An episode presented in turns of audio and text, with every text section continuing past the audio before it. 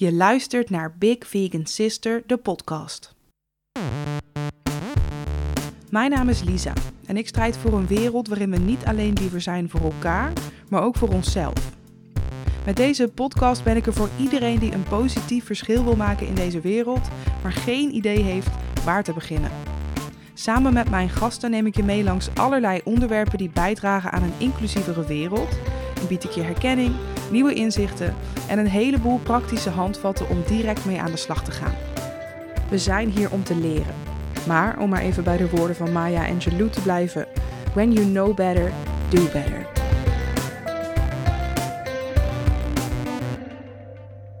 Welkom bij een nieuwe aflevering van Big Vegan Sister, de podcast.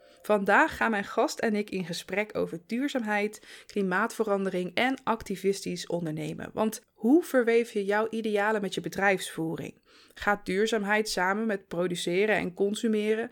En bij wie ligt de verantwoordelijkheid om verdere klimaatverandering tegen te gaan? Over dit en nog meer, denk ik wel, praat ik vandaag met Anne Pleun van Eijsten. Anne Pleun is de oprichter van Paper on the Rocks en dat is een activistisch stationery bedrijf dat de allermooiste notitieboeken en nog veel meer maakt van onder andere steen- en plantenafval. Dus materiaal dat anders weggegooid zou worden. Anne Pleun, welkom. Hoe gaat het op dit moment met jou? Het gaat goed. Het is uh, na nogal een turbulent jaar, kan ik zeggen dat er nu weer uh, heel veel leuke dingen zijn. Uh, binnen de organisatie en, uh, en privé ook. Dus ja, ik ben blij. Ik voel me goed. Fijn.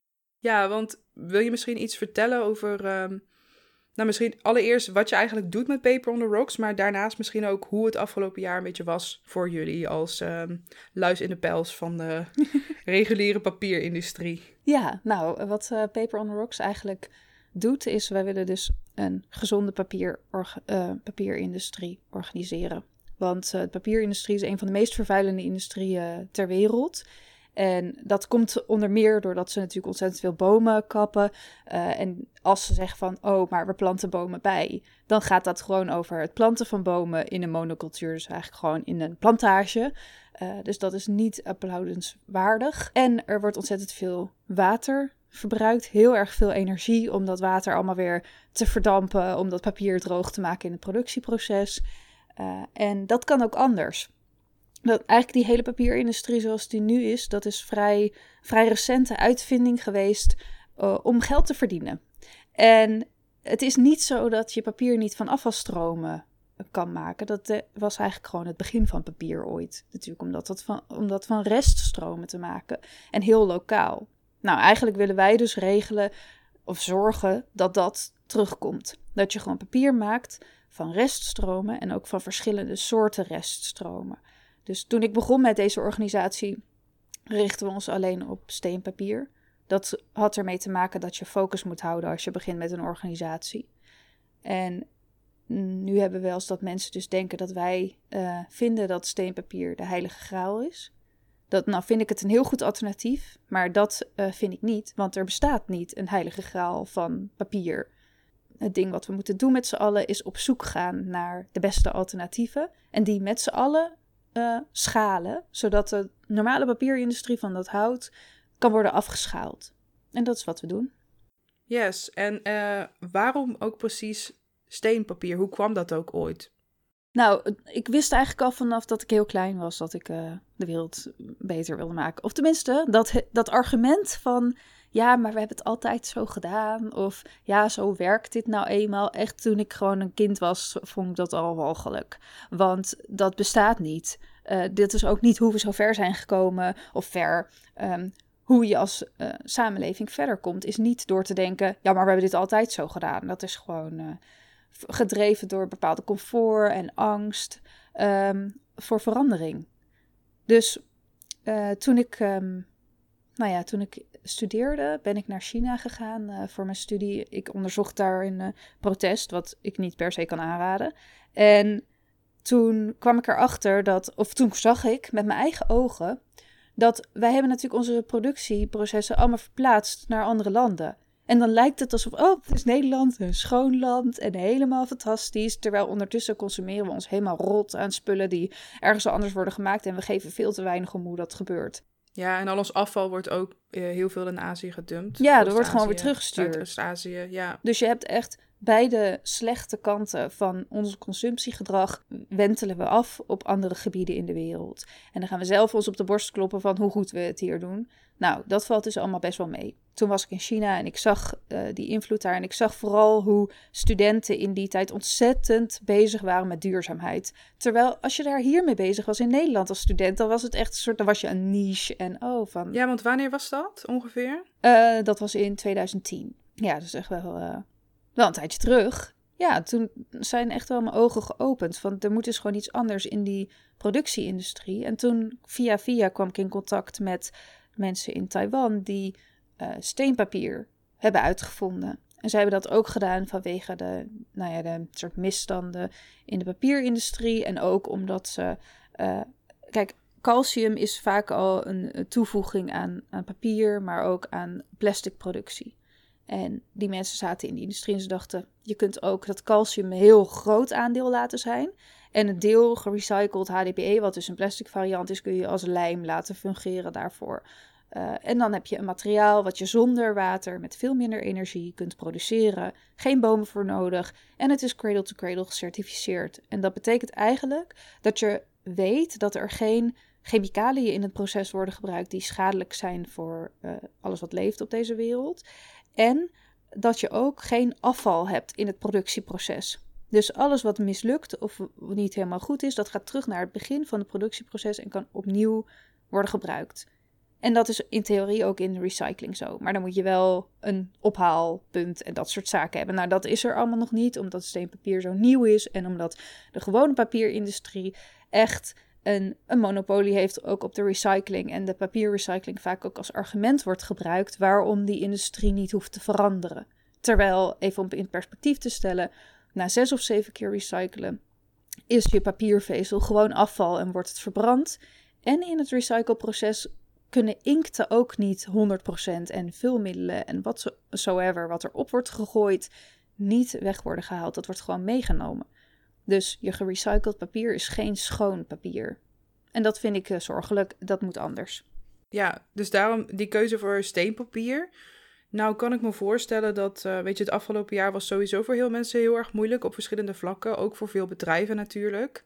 Ik vraag me af hoe, hoe überhaupt, hoe was het afgelopen jaar voor jullie? Maar misschien ook hoe was het daarvoor en hoe is het nu?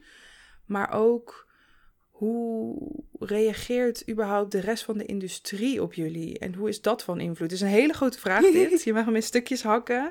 Ja. dat is iets waar ik echt heel benieuwd naar ben. Nou, ik kan denk ik wel het beste beginnen bij um, hoe het dan het afgelopen jaar was.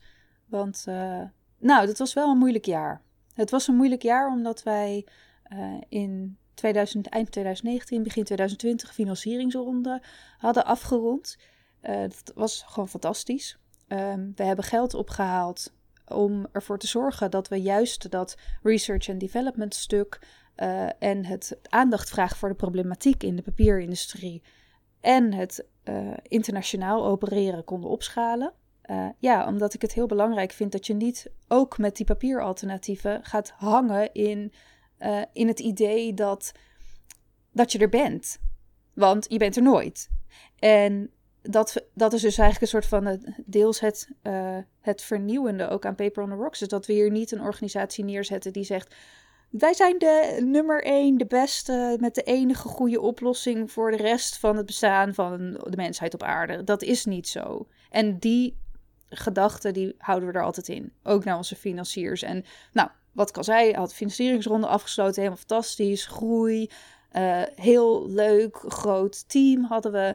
Uh, toen kwam COVID en wij werkten heel veel voor organisaties die naar beurzen gingen, voor de beursorganisatie zelf, uh, voor mensen die cursussen gaven of opleidingen, voor grote modebedrijven die doen dat heel vaak om zeg maar iedereen bij elkaar te houden. Nou, daar werkten wij dus voor. En die zeiden allemaal in een, gewoon in een tijdspanne van twee weken: uh, doei, wij gaan helemaal niks doen. Totdat we weten hoe dit verder loopt. En nou, dat was wel een pittige periode. Um, omdat je dan net bent opgeschaald en dan moet je weer afschalen. Ja, dat vond ik wel heel erg pijnlijk. Uh, ook omdat, nou, we hadden er heel lang aan gewerkt met het hele team om, om die financiering te realiseren. En we hadden alle plannen klaar en alles kon gewoon in de prullenbak. En we hebben ook nog ehm, uh, halverwege het jaar te maken gehad met het meest bizarre eh, ding ooit in de geschiedenis van Paper on the Rocks. Oh, de gestolen boeken. De gestolen boeken. Ja, iemand die vond het dus een goed idee om notitieboeken te stelen. En dat is helemaal uitgelopen op een... Dat waren ook echt heel veel boeken, toch? Ja, het waren uh, ja, meer dan 5000 uh, notitieboeken.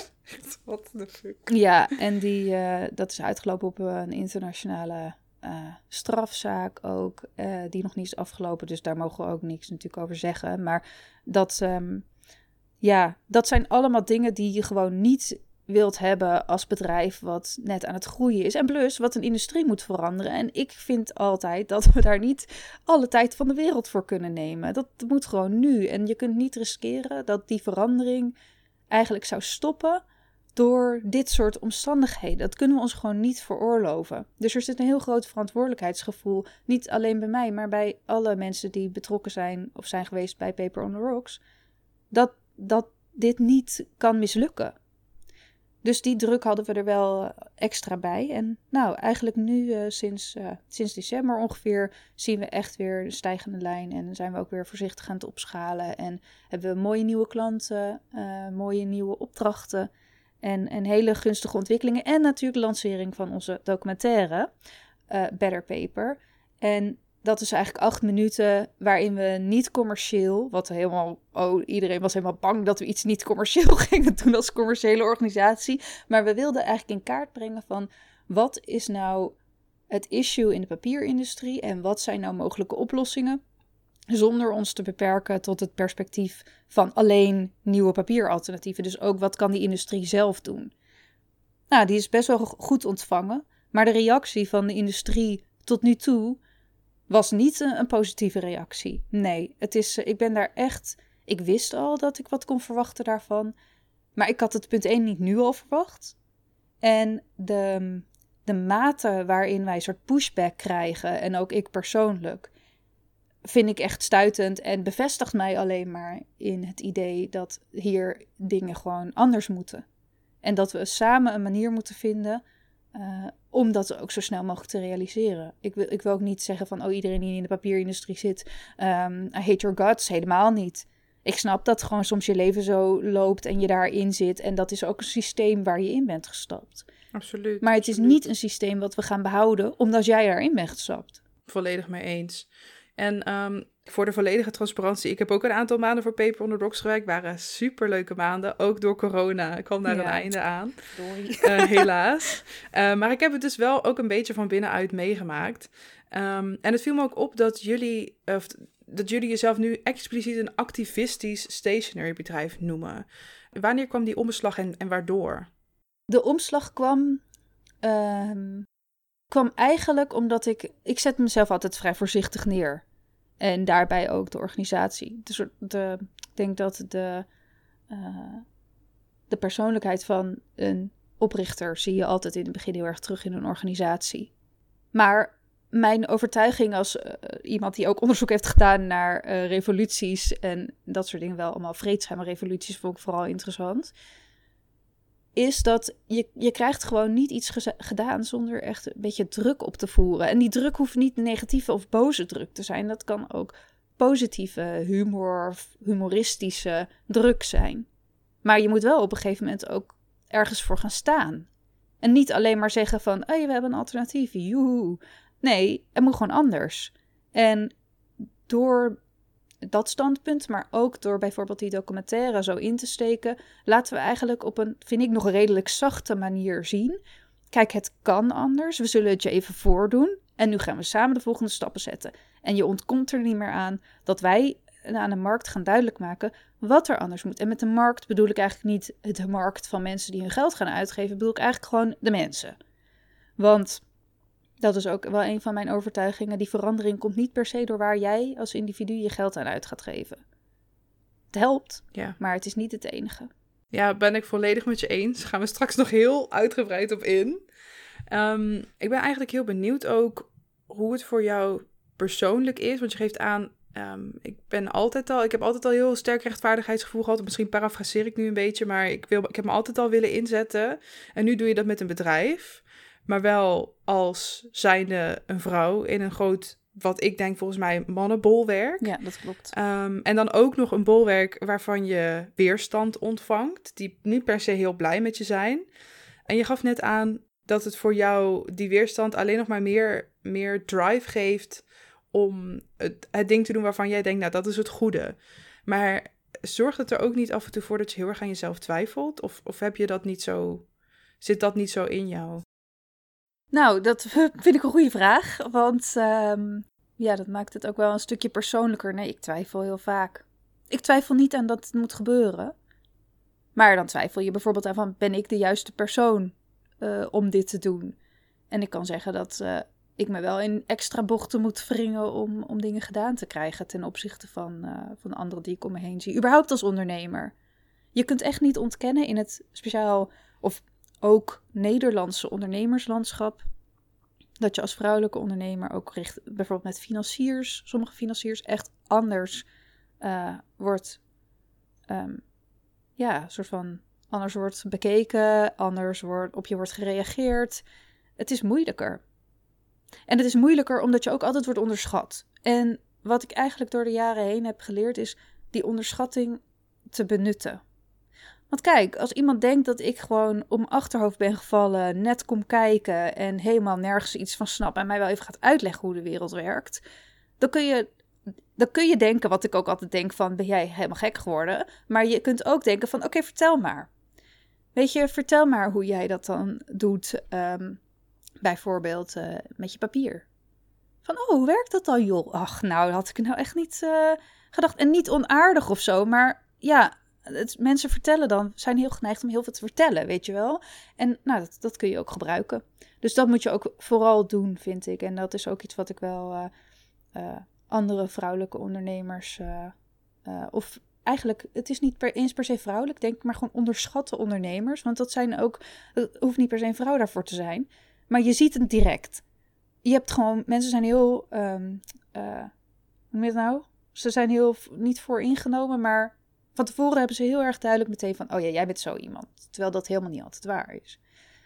Dat, moet je gebruiken, maar ook weten van jezelf. Dus ik weet van mezelf dat ik heel uh, jong overkom. Uh, ik ben klein.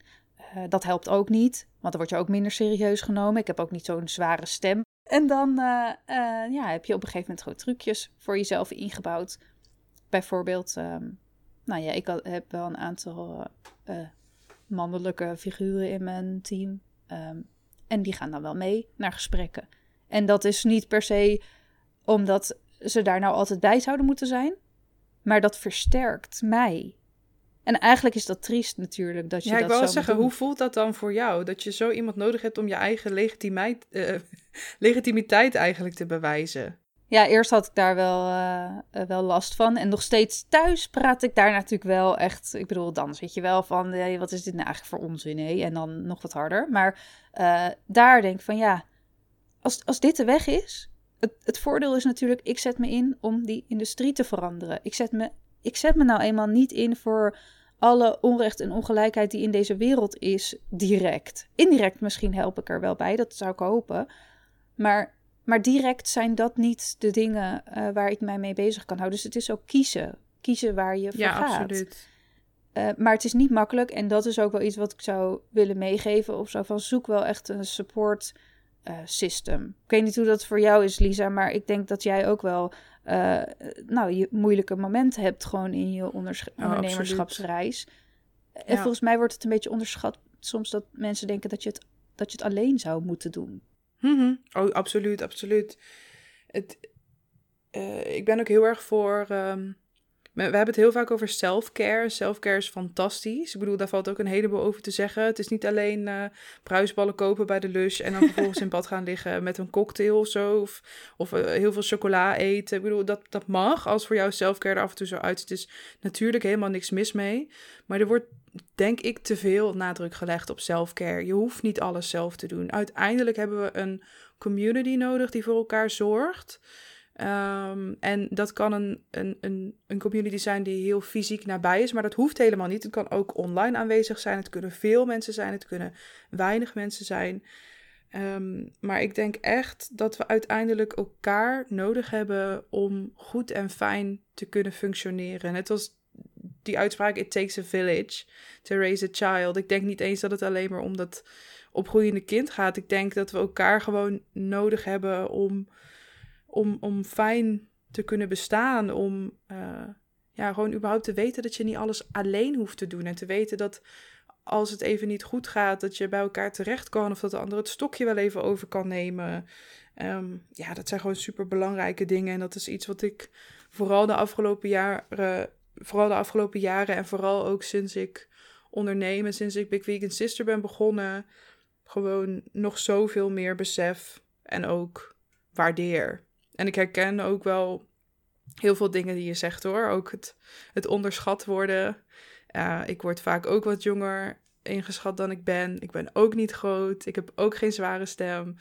Uh, mensen zien mij volgens mij, ja, misschien projecteer ik dat deels ook wel hoor, maar zien mij volgens mij vaak nog wel echt als een meisje of zo.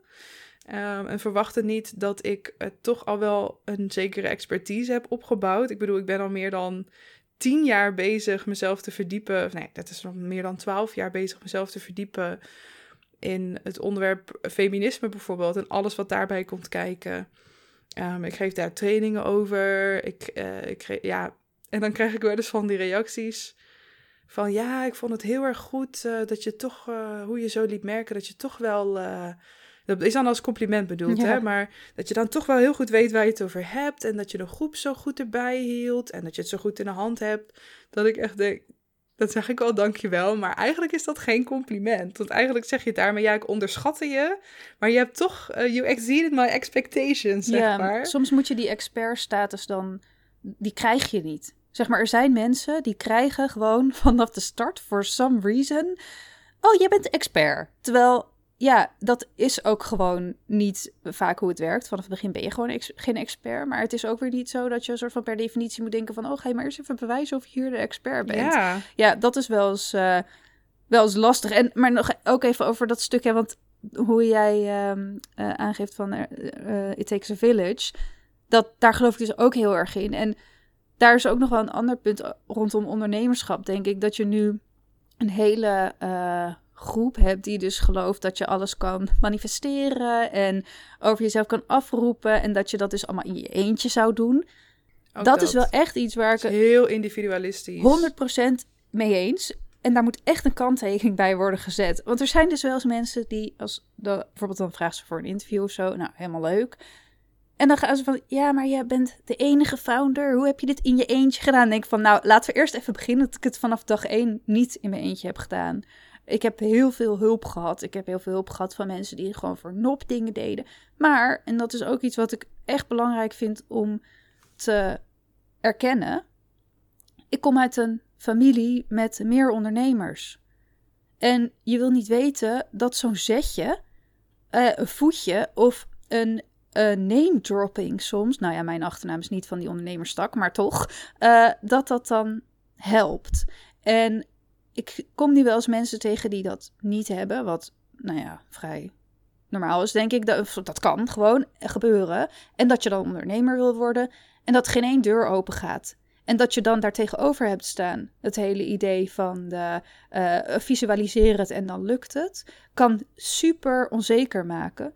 Mhm. Maar realiseer ja, je je zoekt ook alles in jezelf. Alsof de fout bij jou ligt. Ja, en dat Ik doe iets niet. goed, dus daarom slaag ik niet. Nee, en dat, dat is 100% niet aan de hand. Het is ook namelijk een kwestie... Dat is een van mijn mentoren, die... Uh, ben ik echt zo dankbaar voor de keren dat hij me heeft opgevangen. Terwijl ik soort van huilend erbij hing van ik weet echt niet hoe ik nu nog verder moet. Um, die zegt ook altijd van uh, je moet je moet je gewoon realiseren dat je het niet alleen kan. Um, en je moet je realiseren dat je ook, je bent op een stoel gaan zitten. In, in mijn geval, ik ben op de stoel van Paper on Rocks gaan zitten. Dat is nu eenmaal nu wat ik doe. Paper on the Rocks is niet Anne Pleun. En zal het ook nooit worden. En is ook ongezond als het dat wordt.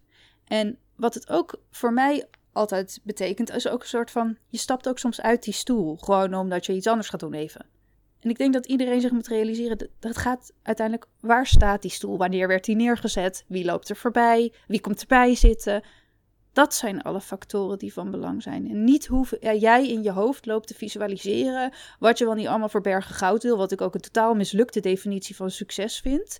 Uh, het is net als waarom als mensen mij vragen: Oh, gaat het nu met de omzet? Dan zeg ik altijd: Ik heb helemaal geen idee hoe het gaat met de omzet. Heb je nog andere vraag voor me? Soms wordt dat vertaald naar: Je bent geen echte ondernemer, want je weet niet wat je omzet is. Maar je moet daar iedere dag naar kijken. En ik van: Ja, ik kijk er niet iedere dag naar, maar ik weet echt wel precies wat mijn omzet is. Maar ik ga het ook echt wel precies niet aan je vertellen, want het doet er niet toe.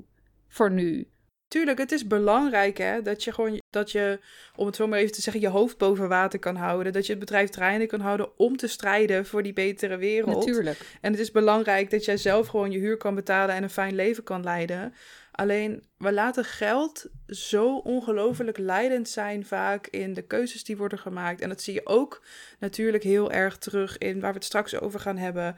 Het hele systeem dat een verandering door moet. Ja. ik maak nu wel een kleine spoiler, maar we weten denk ik wel enigszins hoe Anne, Anne Pleuden en ik erover denken. Maar het systeem dat verantwoordelijk is voor het allergrootste deel van de klimaatverandering. Eh, wat gewoon eigenlijk geleid wordt door geld en door Um, meer geld en macht willen. Maar oké, dat nog heel even terzijde. Met, met die wetenschap, met alles wat je zelf hebt meegemaakt hierin, alles wat je weet, alles wat je voelt over, nou, dit moet je samen doen. En ook um, de bewuste keuze dat je zegt, ik, ik run een activistisch bedrijf. Hoe ziet voor jou zo'n activistisch bedrijf eruit qua bedrijfsvoering, zeg maar, binnenin? Wat, wat typeert dat voor jou en, en hoe, hoe trek je dat ook echt door in hoe je bijvoorbeeld leiding geeft of, of het bedrijf überhaupt runt? Nou, een van de redenen dat, of een van de dingen die Paper on Rocks anders maakt als organisatie dan, uh, dan andere start-ups of skill-ups of überhaupt bedrijven, is dat ik, toen ik startte, wist ik helemaal, helemaal niks van een bedrijf. Als in echt gewoon, ik heb niet een achtergrond in hoe je bedrijven opzet. Ik had me niet ingelezen en ik lees me nog steeds niet in. En dat doe ik expres. Want ik ga niet lezen uh, over Jeff Bezos en weet ik veel wie allemaal voor verschrikkelijke... Uh, Elon Musk. Ja, nou ja, ik wou zeggen verschrikkelijke mensen. Toen dacht ik, ik hou me in, want ik weet het niet. En toen dacht ik, ik zeg het toch. Want het feit dat je zoveel geld hebt kunnen verdienen met je organisatie... betekent dat je het ergens anders aan hebt onttrokken. En ik wil toch even Ik doe nu fingersnaps, want dit is zo waar. Dit is letterlijk wat ik altijd zeg. Iedereen die nu biljonair of miljonair is, is dat geworden omdat iemand in die lijn, of heel veel mensen waarschijnlijk in die lijn daaronder, gewoon echt een rot leven leiden. Ja, je hebt gefaald. Die, dat zijn gewoon boeken over mensen die hebben gefaald in het leven. Basically, ja. Echt. En ik ga uh, soort van nu met die hele discussie over die mondkapjesdeal hier in Nederland, is voor mij echt weer een uitvergroting van hoe fout het idee is dat dat Misschien, iets moet zijn wat je voor de zekerheid even uh, voor de zekerheid even uitleggen, want misschien heeft niet iedereen de hele mondkapjesgate meegekregen. Oké, nou, ik zonder de namen te noemen, vind, want dat vind ik niet te nodig. Um, er is een deal gesloten uh, aan het begin van de coronaperiode over uh, mondkapjes, want er was toen een groot tekort aan. Er waren heel veel aanbieders toen die in, in andere landen mondkapjes konden um, regelen eigenlijk voor de overheid.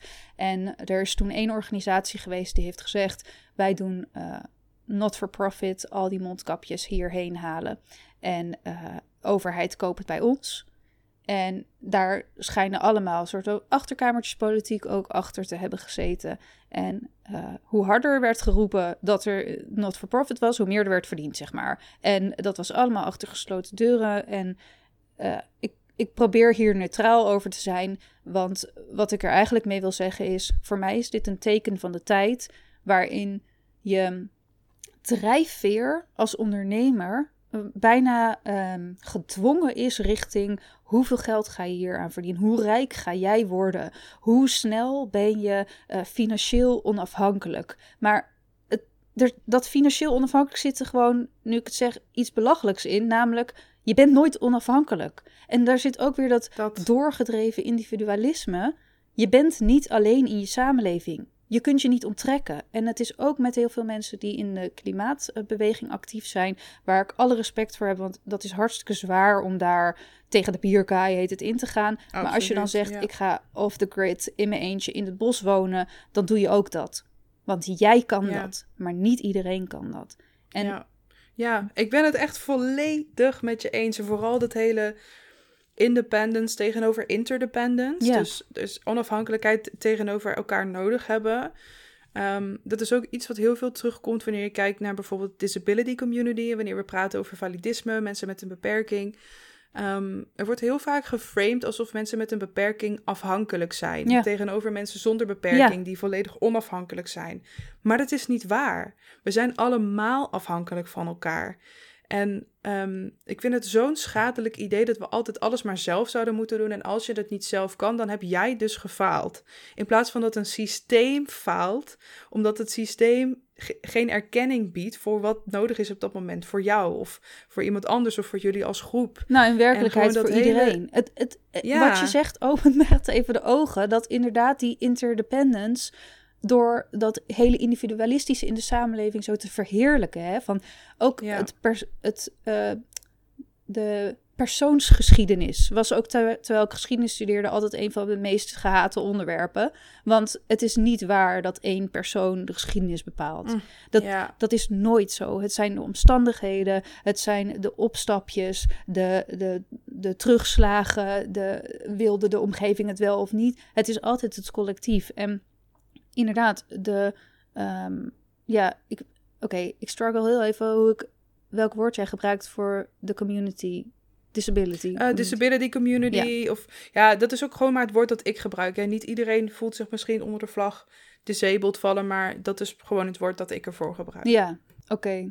Ja, dus eigenlijk in de disabled community is het dan heel raar dat daar ineens, dan is het soort van negatief dat je afhankelijk bent. Het wordt ook als iets negatiefs gezien en dat is alleen maar framing omdat iedereen afhankelijk is van anderen. Precies. Want binnen de disabled community is het ook gewoon heel veel mensen zijn ook heel erg bewust van dat we elkaar nodig hebben. Er zijn heel veel netwerken van zorg onderling. En dat kan um, fysieke zorg zijn, maar dat kan ook mentale zorg zijn. Inchecken bij elkaar. Voor de mensen die dit interessant vinden, check Access um, Intimacy. Het, het begrip Access Intimacy betekent zoiets, um, en ik zeg het nu heel plat als de ervaring dat iemand eigenlijk precies weet wat je nodig hebt, zonder dat dat super vocaal benoemd wordt, maar gewoon dat iemand dat bijvoorbeeld aanvoelt, dat bijzondere gevoel dat dat geeft, dat iemand jou echt snapt, zeg maar. Um, en dat is iets waarvan ik, ja, dat is een van de vele dingen waarvan ik denk, daarvan kunnen niet-disabled mensen echt zoveel leren. Want binnen de disabled community is het gewoon een gegeven dat je elkaar nodig hebt. Je kan niet alles zelf. En dat ligt niet aan jezelf. Je bent niet broken of je bent niet kapot, je bent niet onvolledig. Maar je kunt nooit alles zijn wat jij of de ander nodig heeft. Er is altijd wel iets wat de ander makkelijker kan of beter kan of wel kan wat jij niet kan. En dat is niet erg. We mogen er voor elkaar zijn. En Um, ja, ik val een beetje in herhaling, maar dit is gewoon iets wat me, wat me zo intens raakt, omdat ik zelf ook zo lang het gevoel heb gehad dat ik het alleen moest doen. En pas toen ik het label disabled ben gaan claimen, me daar meer in ben gaan verdiepen en besefte, yo, er zijn veel meer mensen die uh, dingen ervaren die ik ervaar en die hoeven het ook niet allemaal zelf te doen. Dus waarom zou ik alles zelf moeten doen? Dat heeft me werkelijk waar, gewoon letterlijk ademruimte gegeven. Gewoon het weten dat ik niet alles alleen hoef te doen.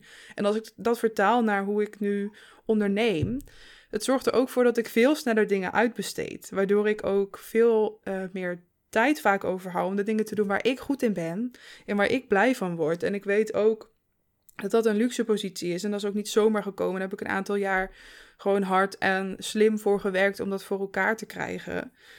Um, maar ik sta nu wel op die positie waarbij ik ook gewoon mijn eigen ja, waarde gewoon veel meer zie of zo. Doordat ik ook erken dat ik niet alles kan. En dat geeft heel veel lucht. Ja, dat geeft ook veel lucht. En het is ook het inzien dat je dus om die hulp kunt vragen of dat je die hulp uh, kunt opzoeken.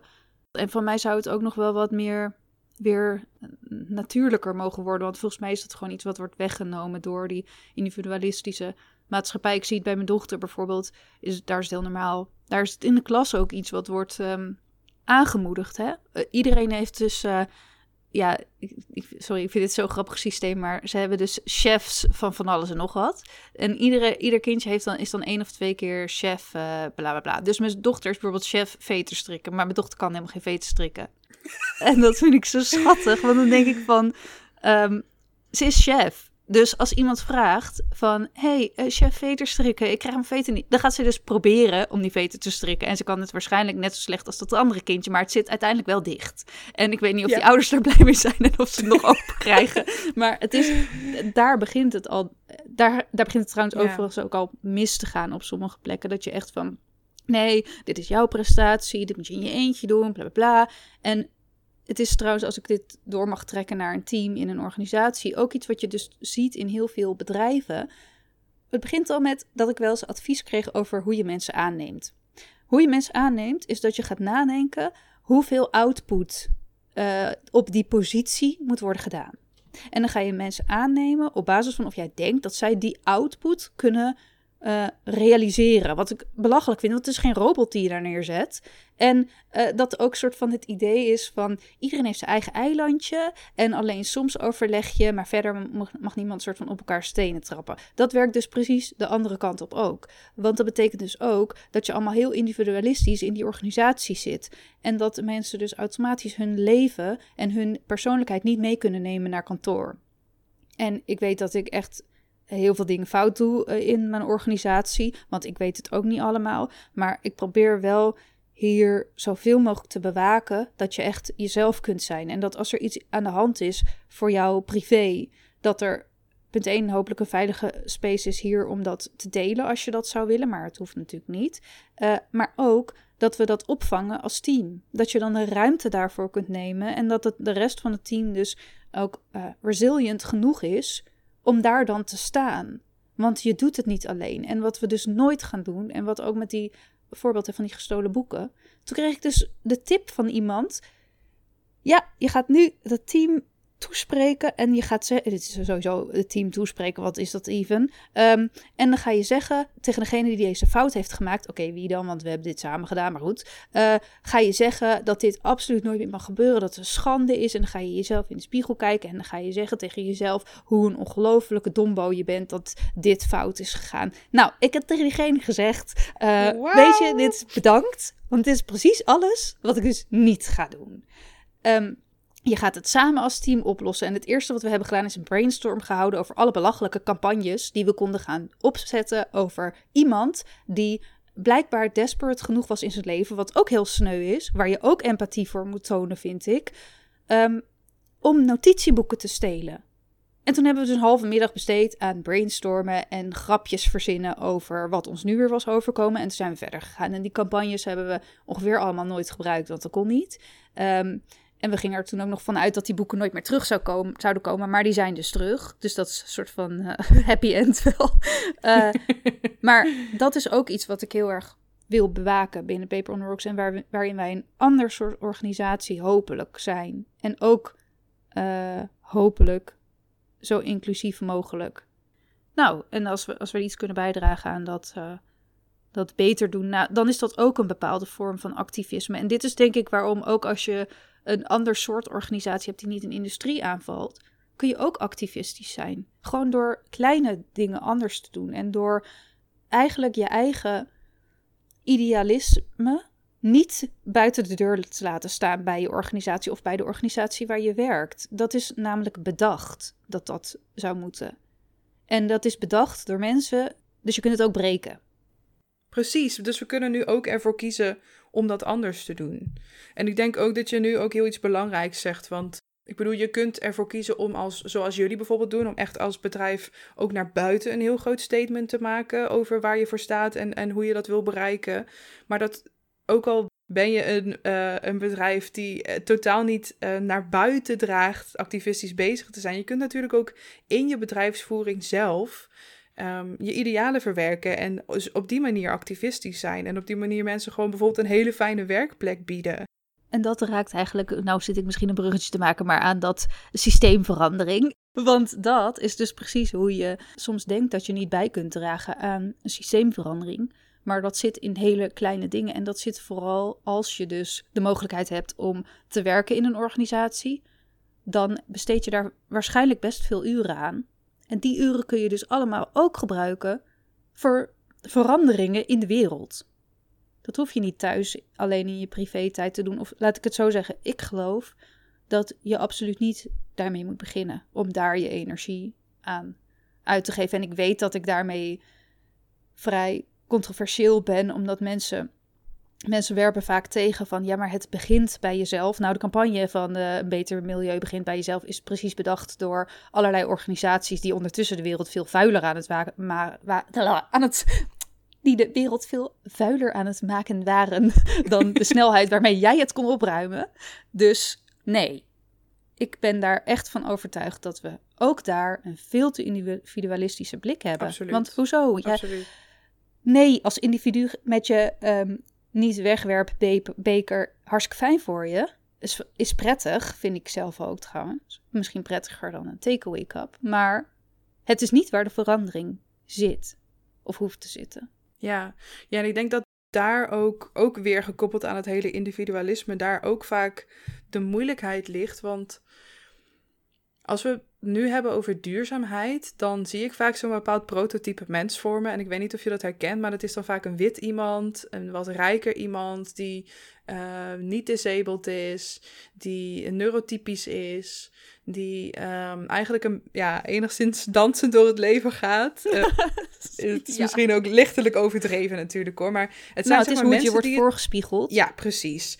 En het zijn de mensen die het zich kunnen veroorloven om die uh, uh, herbruikbare beker te halen, om dat siliconen rietje te halen, om te drinken uit die mason jar, een uh, ongelooflijk dure shakes van acai die dan wel weer uit het Andesgebergte wordt gehaald. Ja, maar um, niet open hier. Ja, en misschien ook helemaal niet. Ik weet helemaal niet goed waar de acai best vandaan komt, maar nou, het gaat ver er weg. het idee. Hij groeit niet hier. ver weg, ver weg in ieder geval. ver weg. En ik heb gewoon het idee alsof er zo'n bepaalde morele, morele superioriteit hangt uh, rondom een duurzame lifestyle. Maar dit is dan maar één soort duurzame lifestyle. Want heel veel mensen worden gedwongen om duurzaam te leven. Ofwel bijvoorbeeld omdat ze arm zijn en dat ze heel weinig kunnen betalen en heel voorzichtig moeten doen met spullen. Um, sommige mensen kunnen helemaal niet, tussen aanhalingstekens, duurzaam leven volgens die standaard. Omdat ze bijvoorbeeld disabled zijn en plastic rietjes nodig hebben, wegwerphandschoenen nodig hebben, wegwerpproducten nodig hebben. Um, maar ik heb ook het idee alsof ons vooral dat, dat ideaalbeeld voor wordt gehouden. En natuurlijk wordt het wel ook in stand gehouden door een bepaalde groep mensen. Hè? Maar door, om het maar even groot te zeggen, het systeem. En daarmee bedoel ik onder andere. Ik, uh, uh, ik ontdekte dat 100 bedrijven verantwoordelijk zijn voor 71% van de totale uitstoot van broeikassen sinds 1988 was het volgens mij. Um, maar die oplossing voor het probleem, dus zeg maar tegen klimaatverandering, zoeken we dan echt op, op heel individualistisch niveau. Er worden allemaal campagnes bedacht. Uh, je moet je carbon footprint meten, wat ook gewoon door oliebedrijf BP in het leven is geroepen. Um, en er wordt ons zo'n heel groot schuldgevoel aangepraat. Um, een schuldgevoel dat denk ik heel grotendeels onterecht is. En tegelijkertijd wil ik ook zeg maar, het, individu, het individu niet vrijspreken van de verantwoordelijkheid die we wel dragen. Want we, we moeten ook ons steentje bijdragen, maar dat, dat um, daar zitten zo snel weer van die valkuilen aan, aan vast. Um, dat, nou, als dat... ik, ja, ik zou dat wel iets meer willen, een soort van chargeren, eerlijk gezegd. Ja. Want Bring it zoals, on. Ja, zoals je nu denkt dat je bijdraagt aan uh, een beter milieu, dat is dus niet hoe je bijdraagt. Echt, ga die energie stoppen in iets anders dan je wegwerpdingen vervangen of je geld uitgeven aan iets duurzaams of uh, je tegels uit je tuin halen. Kijk, het is allemaal fantastisch, hè? Het moet je doen, want waarschijnlijk zijn er ook dingen daartussen die je gewoon jezelf beter en fijner laten voelen vanuit jezelf. Maar een heleboel waardoor je je daarom beter voelt, is gemaakt. Het is gemaakt en het is niet gemaakt door die bedrijven of door uh, allemaal complottheorieën over bepaalde groepen mensen die willen dat bla bla bla bla. Het is een, een systeem en verandering van een systeem gebeurt uiteindelijk ook door de mensen in dat systeem. Maar dat is moeilijk. En volgens mij, um, waar zo'n verandering moet beginnen, is dat je je energie gebruikt om dat systeem aan te spreken. En je verandert nou eenmaal niet een systeem zo snel als nodig is met je portemonnee. En weet je wat er ook gebeurt door dit individualiseren van een beter milieu, begint bij jezelf, is dat we niet meer zien hoe we samenhangen hoe je samen juist wel druk kunt uitoefenen. En dan zit ik hier een soort van, eh, ik zit niet hier de, de te insight of zo. en nu de straat op. Maar het is toch eigenlijk wel een beetje zo dat als je, uh, wat je ziet in die identity politics, waar ik uh, ook, ik bedoel, ja, ik vind iedereen die zo'n onrecht moet je naar voren brengen. Maar zie ook die gemene deler. Want heel veel gemar gemarginaliseerde groepen hebben extra last van klimaatverandering straks. Hebben ook extra last van dat ze er nu weinig tegen kunnen doen of lijken te kunnen doen. Dus als je het allemaal samen optrekt, dan kom je veel verder. En dat is dan wel samen optrekken tegen, uh, tegen bedrijven. En gewoon eis gewoon, eis verandering.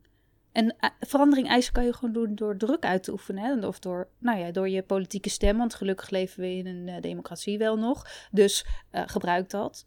Maar gebruik het ook door mm, met je volksvertegenwoordiging bijvoorbeeld in gesprek te gaan als dat kan. Nou, dat kan, want het zijn volksvertegenwoordigers. en door die bedrijven te laten weten dat je het anders wil. Want het argument wat nu ook door Shell werd gebruikt van... Ja, maar jullie rijden allemaal in een auto. Ik denk van ja, sorry, maar ik heb hier nooit voor gekozen. Het is ook gewoon, sorry, maar doe dan even beter public transport, wat er ook een politieke keuze vaak is, maar ook het systeem is gemaakt dat het nou eenmaal moeilijk is om het anders te doen. En wat je net zei, Lisa, wie zijn degenen die al vlieren fluitend door het leven met hun zakken vol geld wel over kunnen stappen en dan op een high horse gaan zeggen: ja, maar jij rijdt nog niet elektrisch. Ik krijg dat ook wel eens van, ja, nou sowieso heb ik nu geen auto. Maar, uh, oh, nou, hoe duurzaam leef je zelf? Laat ik het zo zeggen, ik ga geen antwoord op geven. Want het is niet hier waar we het over moeten hebben. We gaan het niet hebben over hoe duurzaam mijn huis in elkaar zit. Want we gaan het hebben over hoe we met elkaar gaan zorgen voor die grote verandering. En dat is niet iets waar iemand nu een sleutel voor heeft. Maar het begint wel, het begint wel met dat we het er met elkaar over hebben en dat we bespreekbaar maken dat als jij individueel niet zoveel kan of niet weet waar je moet beginnen, uh, dat we het daarover hebben. Dat het dus ook niet bij jou thuis hoeft te beginnen, maar dat we samen daar iets aan gaan doen. Um, maar nou, dat is, dat is lastig. En het begint vooral niet bij het eco-shamen van mensen. Dat, uh, en dat. over boeken schrijven, over minimalistisch leven. Want weet je wat mijn vriend laatst tegen mij zei? Ik, Mag ik hier context even geven over hoe ik ben opgegroeid en mijn vriend? Oké, nou, ik ben echt opgegroeid in een tijd dat mijn ouders um, het heel goed hadden. En wij hadden geen zorgen over geld. Toen ontmoette ik, toen ik 16 was, mijn vriend. Die kwam uit zo'n andere wereld. Dat zelfs al had mijn moeder geprobeerd mij en mijn vader, mijn stiefvader, om mij op te laten groeien in zo'n zo breed mogelijk blikveld, zeg maar. Kwam ik bij hem en uh, hij had altijd geleefd van de ene uitkering met zijn moeder. En nou, nog nooit zo, ja, het was gewoon, ik had het nog nooit zo van dichtbij gezien. Hoe dramatisch dat ook is bij tijd en wijlen. Hoe in de, in de knel je kunt komen. En um, het, het maakt ook dat zijn perspectief nu op deze verandering van daaruit ook heel anders is. Zeg maar, hij, hij kwam al in het begin uit. Nee, dit, dit kunnen wij niet uh, verwachten van mensen. Die heus wel willen, maar gewoon niet dat kunnen. Is het. Dat is en dat is dus. gemaakt. En het, het erge vind ik dus dat doordat die bedrijven um, heel erg pushen op dat individualistische, dat zeg maar de, de oplossing ligt dan bij de burger of zelfs de consument, dat we dan worden aangeduid als de consument dat wordt dan vervolgens door mensen heel erg geïnternaliseerd. Zo van, oké, ik kan die duurzame lifestyle leven, dus ik ben moreel beter dan een ander. En vervolgens wordt dat gebruikt als een stok om andere mensen mee te slaan. En het is ook gewoon zo'n ongelofelijke symboolpolitiek. Ja, maar en weet je wat daar... Daar ben ik trouwens, sorry dat ik je onderbreek, maar wel heel erg benieuwd wat jij hier dan over denkt. Want kijk, waar, waar het voor mij soms lastig is om, om die volgende stap te maken, is ik ben. Ik vind dus dit belachelijke symboolpolitiek. Ik vind ook... Um, heel moeilijk dat wij, wij verkopen een product wat niet iedereen kan betalen. En dat zie ik. En dat vind ik heel erg. Want ik zou willen dat het anders was. Maar het kan niet. Want dit is nou eenmaal wat we hebben bedacht dat een bedrijf is en hoe een bedrijf moet groeien. En pas als wij heel groot zijn, dan zouden we dat kunnen doen. Want, uh, nou ja, economies of scale, bla bla bla bla. En dan ben, denk ik wel eens van ja, we moeten die grote bedrijven aanspreken. En dan zie je bij Milieudefensie, ik ben heel erg fan van wat zij doen. En Urgenda en Marian Minnesma, echt held. Wat is nou de eerste stap? Zeg maar, stel, stel je ze nu thuis. En ik zit ook heel vaak op die manier thuis van oké, het is allemaal leuk en aardig wat ik met dat bedrijf doe. Maar er moet meer gebeuren. Wat, wat zijn nou soort van handige pointers? En ook nummer één is bij jezelf realiseren jij gaat het in je eentje niet de wereld veranderen. En wat ik altijd een heel handig uh, beeld daarbij vind, is zie even de wereld als een mierenhoop. En dat is best wel geruststellend, want in die end zijn we met super veel mensen. Als je al die mensen de goede kant op zou sturen, heb je dat probleem gewoon in een jaar klaar. Maar waar zit dan dat startpunt? Ja, ja dat, is, dat is echt moeilijk. En dat is ook iets waar ik iedere dag mee bezig ben en ook iedere dag mee worstel. Ehm, dat is, punt, het is ook gewoon heel moeilijk. Laat ik daarmee beginnen. Ehm, maar hierbij zie ik het wel een beetje andersom dan waar we nu over praten. Want ehm, ik denk om ervoor te zorgen dat je zelf een leuk leefbaar leven houdt, is het vooral belangrijk dat je kijkt naar welke energie heb ik over, welke energie heb ik ten overvloede en wat kan ik daarbij doen. En ik zeg altijd, er is ergens een punt waar, waar je goed in bent, en wat de wereld nodig heeft en wat je leuk vindt, dat overlapt ergens. Volgens mij wordt het in het Japans ikigai genoemd.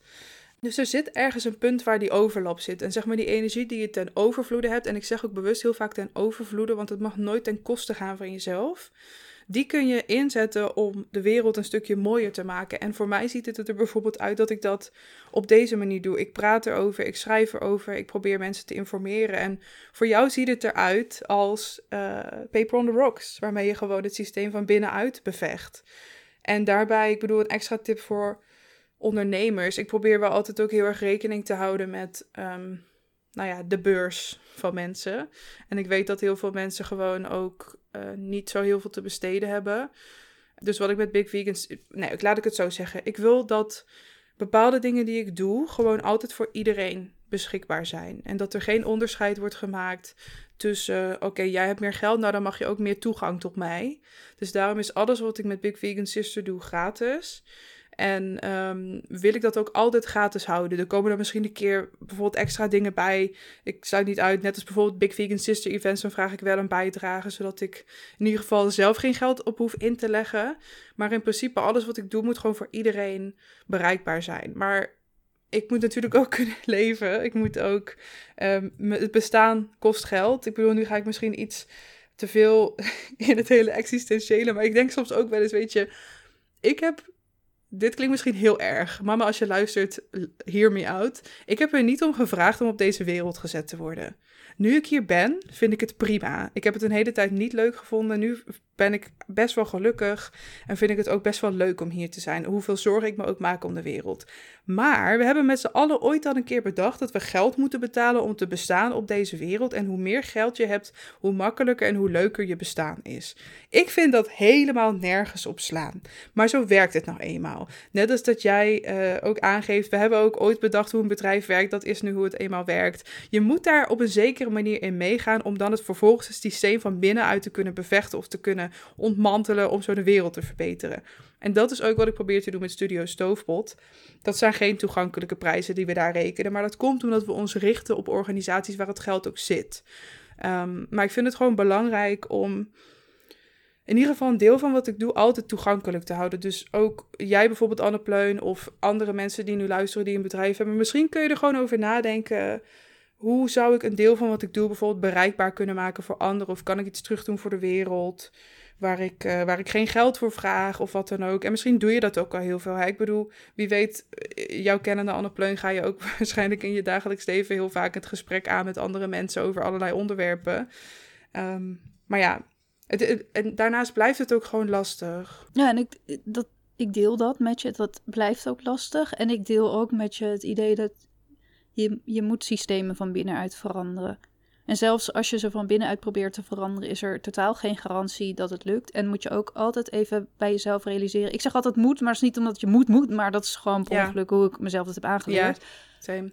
Eh, ook ehm, eh, proberen te realiseren dat jij het ook niet weet en niet alles hoeft te weten Dat. om, dat. om die verandering te vragen. Ja. Want dat is iets wat wij bijvoorbeeld in de eh, papierverandering, tak van Paper on the Rocks, eh, vaak mee te maken hebben gekregen. Van, oh, jullie alternatief is niet de heilige graal. Ehm, en jij weet ook niet hoe de papierindustrie dan precies nu moet veranderen. Dus we gaan gewoon door hoe we dit altijd Ja, hebben je gedaan. moet ook altijd alle antwoorden hebben. Ja, en dat is ook wat ik altijd probeer duidelijk te maken in dat soort gesprekken, maar ook voor de mensen hier in, in het team en de mensen die met ons te maken hebben. Je hoeft het niet allemaal te weten om te zien dat het beter moet. En elke stap die beter, een betere kant op gaat, is er één. Het is niet, eh, iemand zei, ik, ja, ik heb een keer iemand geïnterviewd ook nog over ehm, hoop. Van heb je hoop voor de wereld? Want veel mensen die in eh, duurzame bedrijven of in bedrijven die het beter willen doen, werken, die krijgen op een, op een gegeven moment ook te maken met een soort klimaatdepressie. En dat is heel erg. Ja. En, en ja, dat is een beetje als compassion fatigue of, eh, of activist burn-out. Dat komt ook Ja, heel dat. veel voor. En Ja. dat is veel, je bent daar veel gevoeliger voor als je werkt in, eh, of als je leeft of zit in een omgeving waar iets veranderd moet worden. Eh, hoe hou je hoop of zo? Of een van de vragen in zo'n interview was dan altijd van: heb je hoop voor de toekomst? En één antwoord is echt voor altijd in mijn hoofd. Die zei: waar we heen gaan met elkaar is niet van wit naar, of van zwart naar wit. Van het zwarte scenario naar het witte scenario. Want punt 1 weet niemand wat dat witte scenario dan in hemelsnaam is. Want er is niet een Garden of Eden op aarde ooit geweest. En elk stapje in dat grijze gebied is op zich beter dan het zwarte. Want daar hebben we nu al redelijk veel onderzoek. En dat weten we op zich wel hoe dramatisch het allemaal kan uitpakken. En deze persoon zei: Ik heb hope without optimism. Elke dag dat ik opsta, denk ik: Dit is een dag dat ik kan doen. eh, dat ik iets kan doen waarvan ik nu weet. Of met de kennis van nu zie dat dit beter zal zijn. Maar waarvan misschien iemand over 30 jaar zegt. Dat was nou echt het slechtste idee wat we ooit hebben gehad. En diegene die zegt was het slechtste idee wat we ooit hebben gehad, dat moeten we veranderen. Want iedereen die zijn best doet en zijn energie inzet om iets beter te doen met de kennis van nu, daar, dat moet je echt applauden. Daar, Om die mensen moet je heen gaan staan. Het is niet Ja. nu van een soort van, ga om mij heen staan, maar het is meer dat ik een zie... kringetje, kumbaya. Ja, toch? nou ja, maar ik zie om me heen gewoon dat dat te weinig gebeurt. En zeker, dat is echt een Nederlands fenomeen. Dat we tegen mensen die een bedrijf hebben wat iets beter probeert te doen. Ik heb me daar zelf denk ik in het verleden ook schuldig aan gemaakt. Gaan we zeggen, je doet dit nog niet goed. Ja, maar je doet dat nog niet goed. Veel ja, maar dit is nog niet goed. standaard. Ja, en laat Daar betrap dat ik mezelf gaan. ook op. Ja. Ja. Ja, eh, kijk gewoon naar van, oh wat fijn dat je iets beter probeert te doen. Kijk ook zo naar jezelf. Want misschien mislukt alles wat je probeert. Bij mij is ook, ik ben, niet, ik ben hier al vijf en een half jaar mee bezig, hè, even voor het perspectief. Mijn bedrijf is echt gewoon helemaal half down the drain gegaan afgelopen jaar van ellende. Ik zelf ook. Ik ben ook daardoor overspannen geraakt. Dat kan ik ook niet hier nu zitten van, oh, toen zat ik van, oh, wat is er nu moeilijk, hahaha, zin in. Toen dacht ik op een gegeven moment ook, zak erin met je rotindustrie. Dat gaat me echt nooit lukken. En toen heb ik mezelf niet mezelf bij elkaar geraapt. Toen hebben anderen mij bij elkaar geraapt. En mijn team heeft me bij elkaar geraapt. En mijn vriend en mijn kind. En dat was heel moeilijk om dan te realiseren eh, dat je dat zelf niet kan. En daar, daar moeten we van af. Eh, en zet gewoon die stapjes. En nog even terughakend op wat jij net zei, Lisa, over van ehm, eh, dat het ook moeilijk is hoe je dan bij kan dragen. Ik ben eigenlijk, en dat Paper on Rocks kan dat beter doen, denk ik, dan nu. Ik ben echt best wel benieuwd of mensen die hier naar luisteren dan denken van, oh, maar wacht, als je de papierindustrie kan veranderen, is een super toegankelijkere manier om het zo en zo te doen. Want daar, op een gegeven moment krijg je in ieder organisatie krijg je oogkleppen. Ja, Dat, absoluut. dat kun je Ja. niet, eh, tenminste, misschien kun je het voorkomen, maar ik heb niet de sleutel hoe je dat kunt voorkomen. En dat is waarom je ook met compassie moet kijken naar mensen die het beter proberen te doen en nog niet helemaal lukt. En waarom je ook vooral eh, ja, in gesprek moet treden met, eh, met die mensen. En nou vind ik trouwens dat je met een Shell bijvoorbeeld, nou oké, ik wil niet pre- precies Shell nu helemaal, eh, maar grote industrieën die echt moeten veranderen, ja, compassie voor de mensen die er zitten. Nee, compassie voor het systeem. Ja, Ik had daar deze week nog een discussie over op LinkedIn met iemand die ik best hoog heb zitten. Eh, en die zei: waarom is er een dubbele standaard in duurzaamheid, eh, actie eh, rondom duurzaamheid? Waarom vragen wij van grote bedrijven wel snelle verandering en van onszelf eh, niet? Als het ging over een referendum in Zwitserland, waar ze hogere taxes volgens mij op. eh, hoe heet dat nou? op eh, benzine, Benzine, en zo, ja. toch? Ja, ja. En dat was dus eh, weggestemd door de bevolking. En was helemaal verbaasd daarover. Ja, en, en dat is dus precies waarom daar inderdaad een dubbele standaard in zit. En waarom we die ook met z'n allen ja, weet je wat het is? Die, die intersectionele blik mist gewoon in zoveel van die gesprekken. Ze worden gevoerd door mensen die gewoon no clue hebben wat de gemiddelde burger, hoe het leven van de gemiddelde burger eruit ziet. Maar ik vind het gewoon zo, als we dan ook gaan kijken hè, naar hoe zou dan duurzaamheid in de praktijk eruit zien als we al die maatregelen doorvoeren, zoals bijvoorbeeld ehm, brandstof duurder maken, auto's weer uit de binnensteden. Welke mensen delven dan het onderspit? Welke mensen kunnen, welke mensen kunnen zo'n duurzame levensstijl betalen? Dat is maar een hele kleine groep. En dat is iets waar ik mij zo oneindig boos over maak dat de hele tijd weer die schuld neer wordt gelegd bij de mensen die het nu al het zwaarst hebben. Maar dat ook de oplossing bij hun neer wordt gelegd. Want ja, als jij maar die eh, herbruikbare make-up wipes zou kopen, ja, nee, het is gewoon jouw schuld dat. En dan ben ik, ik bedoel, er zijn altijd wel dingen die we kunnen doen. En één ding is bijvoorbeeld plantaardig gaan eten. Dat is gewoon bewezen dat het heel erg helpt. Bij het, er, er is veel minder water nodig, er is veel minder energie nodig.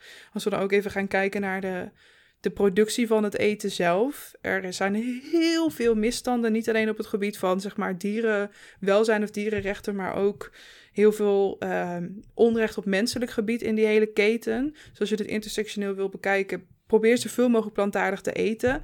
Maar nou, verder... en mag ik die draaien ook? Want daar zit ook nog een draaien natuurlijk. Want je hebt ook nog, we hebben ook nog een politiek die daar ehm, eh, kaders voor kan scheppen en dat niet doet. Nou, het is ook weer een bepaald systeem wat, wat natuurlijk is gemaakt. En zo'n sy- systeem, dat is nou eenmaal zo, denk ik. Voor een heel groot deel kan dat afgebroken worden door, eh, door je politieke systeem en door je wetgevende eh, macht daar voor zoiets in te zetten. En eh, dat klinkt misschien heel onderdrukkerig dan of zo, maar het is fijn dat wij hier een democratie hebben, dus dat je er zelf ook nog wel aan, mee, aan meedoet en eh, wat over kan zeggen. Maar ik vind, het gaat ook over het aanbod natuurlijk en over wat je hebt aangeleerd als mensen, wat, wat normaal is met elkaar en wat je hebt aangeleerd, wat normaal is, dat vertaalt zich ook naar je eh, acties in als je in professioneel leven of nee, wat klinkt dit nou wat dom? Wat? het is ook wat je doet in je zakelijke leven, wa- Ja. waar je naar handelt. En dat is eigenlijk een soort paradigma shift. En dat is super boeiend. Van hoe ga je die met elkaar realiseren en hoe gaan we weg van dat continue geshame en ehm, Kan je uitleggen wat je bedoelt eh, met paradigma shift? Ja, dat we zitten nu. Je zit altijd als mensen in, in een bepaald overtuigingspatroon en een bepaald patroon van hoe je de wereld ziet. Hoe je de wereld ziet is niet objectief. Dat bestaat namelijk niet. Want er is niet één wereld. Hoe ik het aan mijn dochter uitleg is: jij ziet de wereld als een soort film door jouw ogen en er is niemand anders die de film op jouw manier ziet. Iedereen kijkt die film op zijn eigen manier. En het paradigma waar je met elkaar in zit, is, ehm, zijn bijna een soort van de radartjes die zijn aangezet in jouw hoofd over hoe je die film interpreteert. Dat kun je ook op een andere manier gaan interpreteren. En dat is eigenlijk, dus je kunt op een andere manier gaan zien wat er gebeurt. Dat is een bepaalde paradigma shift. En dat is wat we, ehm, wat we met elkaar nodig hebben. En wat het zo moeilijk maakt. Omdat je comfort haal je ook uit, uit hoe, hoe je je leven hebt ingericht. hè. Want dat hebben we denk ik wel gezien nu in deze hele lockdown eh, fase. Het kan heel oncomfortabel zijn, maar wat ook heel oncomfortabel is, is nu teruggaan naar hoe het was. Want waarom gaan we Ja, eigenlijk terug naar hoe het was? terug naar normaal, ja. Ja, want Normaal voor wie? ja, het, het is inderdaad normaal voor wie. Willen we dat dan? Wie heeft daar dan baat bij? En een van de dingen waar ik nou ja, als privépersoon heel erg voor ben, is dat we meer gaan kijken naar wat is goed voor iedereen. En ook vanuit politiek moet meer gedaan worden van wat is goed voor iedereen en niet wat is goed voor mijn achterban, wat is goed voor mijn stem, uh, stemmen. Uh, dat, dat is niet hoe een samenleving zou moeten nee, werken. Nee, absoluut. Ja, en ik vraag me dan ook wel eens af, hè, en hier heb je volgens mij ook wel eens over geschreven. Um, we weten allemaal, nou ja, behalve een select groepje klimaatontkenners, dat we in een klimaatcrisis zitten. Er moeten echt heftige maatregelen worden genomen door bijvoorbeeld de overheid, door wereldleiders, om ervoor te zorgen dat we de verdere klimaatverandering een halt te roepen. Terugdraaien kan niet meer. Een halt te roepen kan wel als we de juiste maatregelen nemen. Maar waarom gebeurt dat maar niet? Waarom maken we met. Dat is misschien een hele grote vraag, hè? Um, maar waarom maken we met z'n allen afspraken zoals bijvoorbeeld het Parijsakkoord? Houdt niemand zich er vervolgens aan? Zijn dat ook vervolgens maar eigenlijk vaak redelijk zwakke uitspraken? En ik snap ook dat dat hevig wordt beïnvloed door bijvoorbeeld bepaalde lobby's van energiebedrijven. Maar als we nou kijken naar het grote geheel. We weten dat er iets moet gebeuren, maar waarom doen we of doet het systeem het niet? Heb jij daar een verklaring voor? Ja, dat is inderdaad best wel een grote vraag. Ik heb daar wel heel veel over, over nagedacht. Waarom het systeem dat niet doet, is Zoals uh, die mentor van mij, waar ik het al eerder over had, me uitlegde, die heeft het geprobeerd in de olie-industrie. Om daar iets te veranderen. En die zei: Je moet het zien als een voortdenderende trein. Waar je even instapt en weer uitstapt. Maar je gaat dat spoor niet anders neer kunnen leggen. Dat vind ik altijd belangrijk om, uh, om voor je te zien. Dat die industrieën zijn ontzettend logge dingen die in greep zitten van van een kapitalistisch systeem wat kapot is. Want wat je ook ziet, wat ik nu persoonlijk zie in de industrie waarin ik actief ben, geld bepaalt. Dus financiers denken dat zij kunnen bepalen. En ik zeg bewust denken, want de reden dat financiers denken dat zij dat kunnen bepalen, is alleen geld. Zij kunnen dat niet bepalen omdat zij uh, expert of wetenschapper of wat dan ook necessarily zijn. Zij bepalen dat omdat het hun geld is. En ik denk dat een hele, hele grote oplossing zit. En gelukkig zijn er een heleboel fantastisch briljante mensen die daar actief in zijn. Dat geld moet een andere kant op. Investeringen moeten worden op een andere manier worden gedaan. Want dat heeft ontzettend veel macht. Uh, lobbygroepen, echt, nou begin er gewoon niet over hoeveel invloed die hebben. Ehm, en, en het in de meest, meest desperate moments, denk ik wel eens, de enige manier waarop we hier echt verandering kunnen hebben, is gewoon grassroots movement. Maar niet een grassroots movement die versnipperd is. En dat is wat nu heel vaak gebeurt. En dat is, dit is misschien een heilig huisje wat ik nu heel erg op zit te stampen. En, en echt, laat me weten als je me hier nu heel stom om gaat vinden. maar het, het woke, uh, de woke ideeën, de woke community, als het al een community is, het, het um, identity politics en de individuele groepen die ontstaan om kleinere. Dit is echt risicovol, vind ik hoor, om dat zo te noemen, maar issues die onderliggend zijn aan het grotere probleem van het systeem aanpakken, die vallen elkaar ook heel regelmatig aan omdat er mensen uitgesloten blijven, omdat uh, bepaalde onderwerpen onderbelicht blijven. En dan krijg je dat mensen zich minder durven uit te spreken. Terwijl wat we eigenlijk zouden moeten doen is.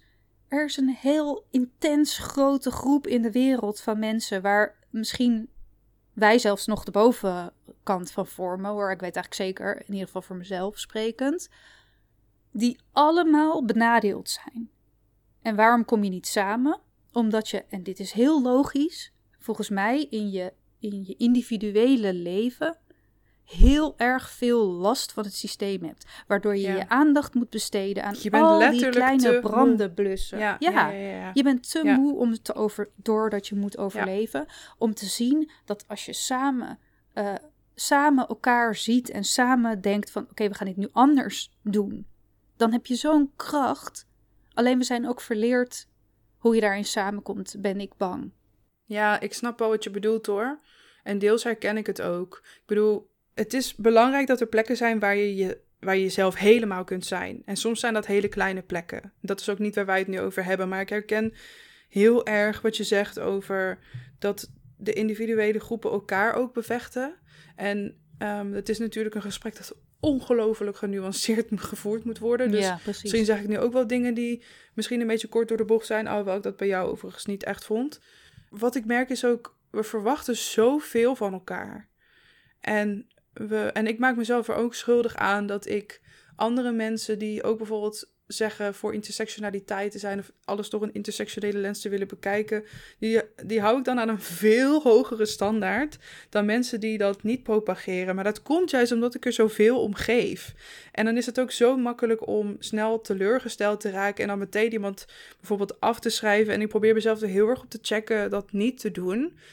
Um, maar dat blijft moeilijk, want je bent al zo gewend om, tenminste ik als persoon, ben ik al zo gewend door mijn uh, disability status, door, door mijn dik zijn, door mijn uh, mentale problematiek die ik in het verleden had, nog, nog wat andere dingen. Ik ben al zo gewend dat de wereld op mij neerkijkt en dat de wereld mij onrecht aandoet. En als dat onrecht mij dan ook aan wordt gedaan door mensen waarvan ik dan dacht dat het mijn bondgenoten waren, dan doet dat gewoon dubbel pijn.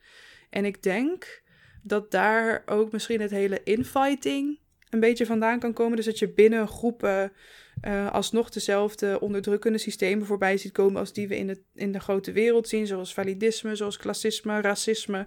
Uh, want ook, weet je, ook mijn community is daar niet vrij van. Ook ik ben daar niet vrij van. Niemand is daar vrij van. Nee. Maar ik zou ook willen dat we een manier vinden om die extreme versplintering een beetje tegen te gaan. En ik heb wel het idee ook dat mensen elkaar wel echt opzoeken hoor. En je ziet ook dat bijvoorbeeld Kijk naar de Black Lives Matter demonstratie op de Dam van vorig jaar. Daar waren gewoon tienduizenden mensen aanwezig. Dat zijn echt niet alleen maar mensen van kleur of zwarte mensen die voor hun eigen ding komen strijden. Er waren ook een heleboel witte mensen.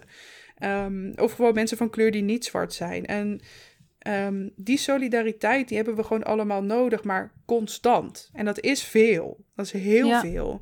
Maar we mogen dat niet uit het oog verliezen. En ik denk ook, ik bedoel, even op de politiek te betrekken, want we hebben nog niet genoeg haakjes aangehaald. ik denk ook echt dat daar het failliet van links zit. Want links is zo ongelooflijk versplinterd. We hebben zo'n groot rechtsblok in ons land die altijd dezelfde steun kan verwachten. En dat is ook ergens heel erg logisch hoor. En ik wil ook geen individuele mensen de schuld geven. Maar we zijn ook op links heel vaak zo bezig met infighting, wat ik heel goed snap. Want ik heb ook heel veel kritiek op heel veel gevestigde linkse partijen die naar mijn mening niet links genoeg zijn. Alleen willen we eindelijk eens een keer een linkse regering krijgen. Of een, nou ja, in ieder geval een regering die meer oog heeft voor gemarginaliseerde personen dan de regeringen die tot nu toe aan de macht zijn geweest. Dan denk ik echt dat die dat, dat gaat niet, niet worden als we zo ongelooflijk versplinterd zijn. En ik weet ook niet wat de oplossing is. En ik weet ook niet of dat samenbrengen wel de oplossing is. Want ik ben niet iemand voor een compromis. Dus eigenlijk wil ik gewoon dat bij één enorm wordt. Maar nee, maar dat is wel iets interessants wat je zegt. Ik heb eigenlijk twee vragen aan je. Want ja. de eerste is, de, als je kijkt naar de oorzaak van dat infighting. Um, ik vraag me af, zit dat dan gewoon in een soort van verdriet en teleurstelling over. Dat kan heel goed hoor. Ja, en, want dat zijn natuurlijk. Je moet niet uitvlakken dat we als mensen ook allemaal heel veel emoties hebben die natuurlijk meespelen in de, in de beslissingen en in hoe je in het leven staat. En um, uh, dat is niet makkelijk om dan te zeggen: oké, okay, zet dat even aan de kant. Um, en dat vraagt me af of, of je je daarin kan vinden. En uh, mijn tweede punt, ik moet even denken, want ik ben het vergeten. Mijn tweede vraag is of je denkt dat we te weinig compromis compromissen Oeh, willen sluiten om te komen tot echte oplossingen. Wauw, oké. Laat ik vooropstellen dat dit dingen zijn waar ik wel recentelijk pas echt over na ben gaan denken. Dus misschien zeg ik nu dingen waarvan ik over een paar maanden zeg: Lisa, wat zei jij nu? Dus maar dat is, een altijd trouwens, hè? Dat is dat voor iedereen. Altijd, dat vind ik ook. Dit is een momentopname en morgen ben je iemand anders misschien. Deels. Maar ik merk dus ik hou mezelf aan een hele hoge standaard, maar ik merk ook dat sommige mensen mij aan een hele hoge standaard houden en mij op zo'n soort voetstuk zetten als de alwetende activist. Terwijl ik, ken je die meme van die Labrador in die labcoat? Een labcoat, haha. Uh, met allemaal van die scheikundige buisjes. En er staat dan bij: I have no idea what I'm doing. Ik Zo voel ik me 50% van de tijd. Oké. Okay. Um, maar oké, okay. je eerste vraag Wat was die ook alweer? De eerste vraag is eigenlijk van, denk je dat, dat verdriet en die teleurstelling Oh ja. in, in de samenleving of in je leven ten grondslag kunnen liggen aan dat, dat, je dat we iedereen zo onder een vergrootglas liggen die wel verandering Ik probeert denk het wel. Want je gaat je niet ergens druk op maken waar je niks om geeft. En dingen waar je niks om geeft kunnen je denk ik ook niet zo hard raken. Want als iets je heel erg raakt, dan geef je er toch om. En ik denk juist omdat als gemarginaliseerd persoon, ehm, welke marginalisatie je dan ook meemaakt, hè, je bent al zo gewend dat de, wereld, dat de wereld niet voor jou is. En dat die je iedere dag op heel veel micro- en macro manieren laat zien dat je er niet bij hoort, of er niet in hoort, of dat het systeem niet voor jou is gemaakt, of dat het niet toegankelijk is voor jou. En, dat, en nu heb ik het niet alleen maar over mensen met een beperking hoor, maar heb ik het over alle soorten marginalisaties. Je bent dat al zo gewend dat je dan heel erg hoopt dat als je je gaat omringen met mensen die zich daar meer bewust van zijn, dat je echt in zo'n soort warm bad terechtkomt. En dat was ook heel erg mijn verwachting van toen ik me meer ging bezighouden met activisme. Ik dacht, nou, nu vind ik echt my people. Nu ga ik thuiskomen. En nou, het was een hele koude douche. Want ik kwam Ja. erachter dat ook binnen activisme is heus niet iedereen het met elkaar eens. Is niet, klik ik niet met iedereen. Ontvangt niet iedereen met, mij met open armen. Zijn er nog steeds hele vervelende mensen. Weet je, het is net de echte wereld. Maar als je dan wel dat soort... Je bent op zoek naar een soort safe haven of zo. En soms verwachten we dan ook dat als wij van een bepaald onderwerp heel veel afweten, dat de andere mensen die zich daar ook bijvoorbeeld mee bezighouden of druk om maken, dat die er net zoveel van afweten. En dan houden we elkaar aan zo'n belachelijk hoge standaard.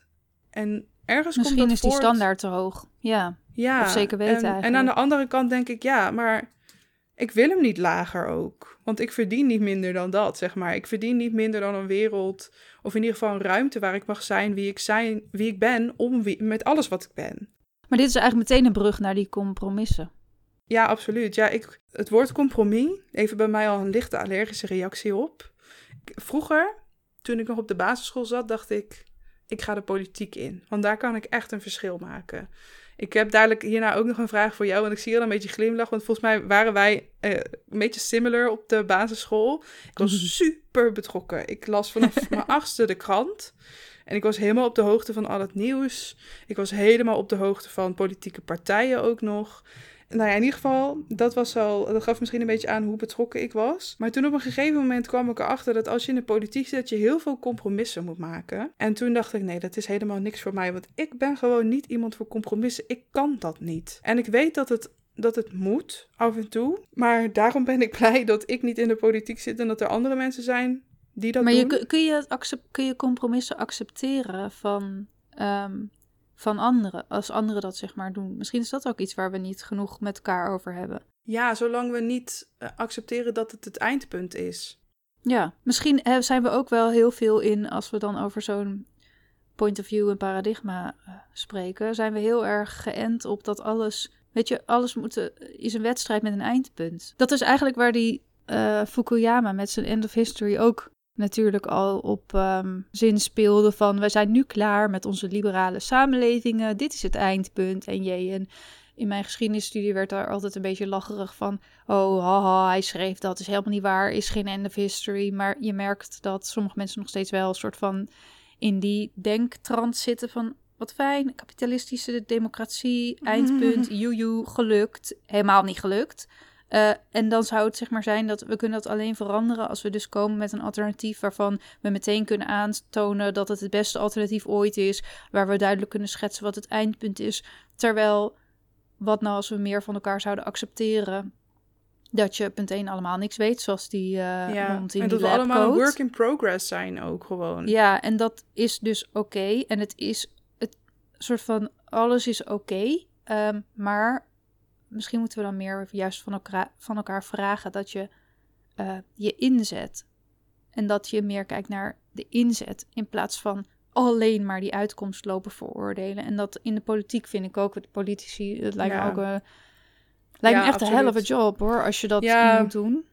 Het lijkt me, ik vind ook dat we veel meer oog moeten hebben voor de politici als personen. In plaats van alleen als politici.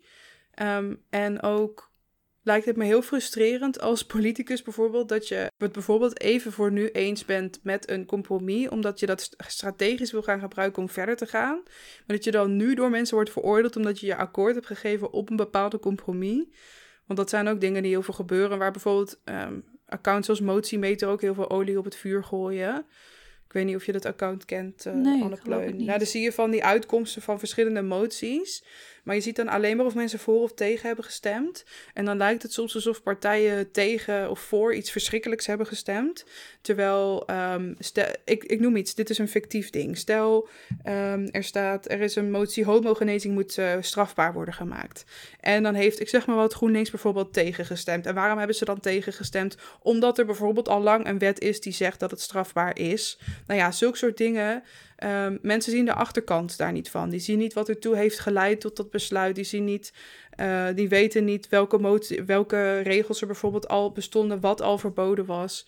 En op die manier worden er heel veel dingen heel kort door de bocht gepresenteerd. Wat denk ik ook niet heel erg meehelpt voor de uh, unification van links, zeg maar. Nou, misschien is het ook trouwens wel dit. Er moet heel veel veranderen voordat je in de buurt komt van wat linkse partijen en de aanhang daarvan. Ik noem het nu links, maar ja, ik denk dat dat nog wel goede bewoording is op zich. Um, wat die willen, dat is best wel heel erg ver weg van waar we nu zijn. Maar als, we daar, als je daar meer unified achter gaat staan, dan, dan krijg je inderdaad dat je langzaam maar zeker meer in de, in de buurt komt. Dus misschien is nu het risico dat het meer versnippert. Maar ja, ik ben niet echt een politiek analist, maar het is wel iets waar ik.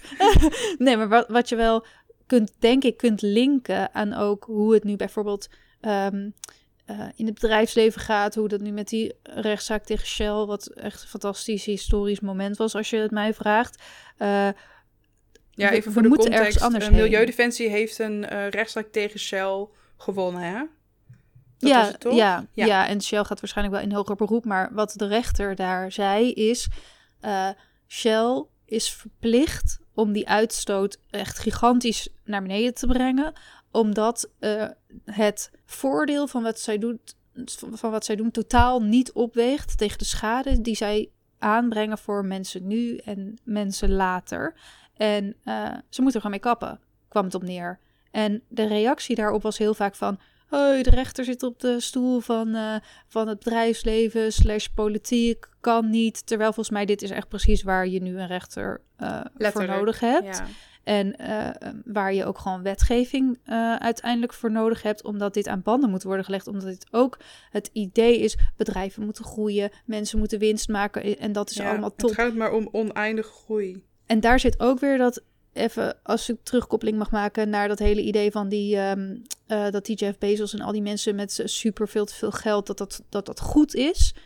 Dan is het niet goed. Dat is, heeft geld onttrokken aan plekken waar het harder nodig was. Dat is een systeem gebruiken voor je eigen gewin. En dat is niet waarom we systemen hebben met elkaar. En dat betekent dus ook dat je moet leren dat mensen die nu een bedrijf starten of in een bedrijf zitten of investeren in hun bedrijf of hun geld daarop gooien, leren dat dat is voor the greater good en niet voor die mensen als individu om beter van te worden. En dat is echt iets waar ik me wel voor in wil zetten. En wat heel eerlijk gezegd, ik hou van mijn financiers.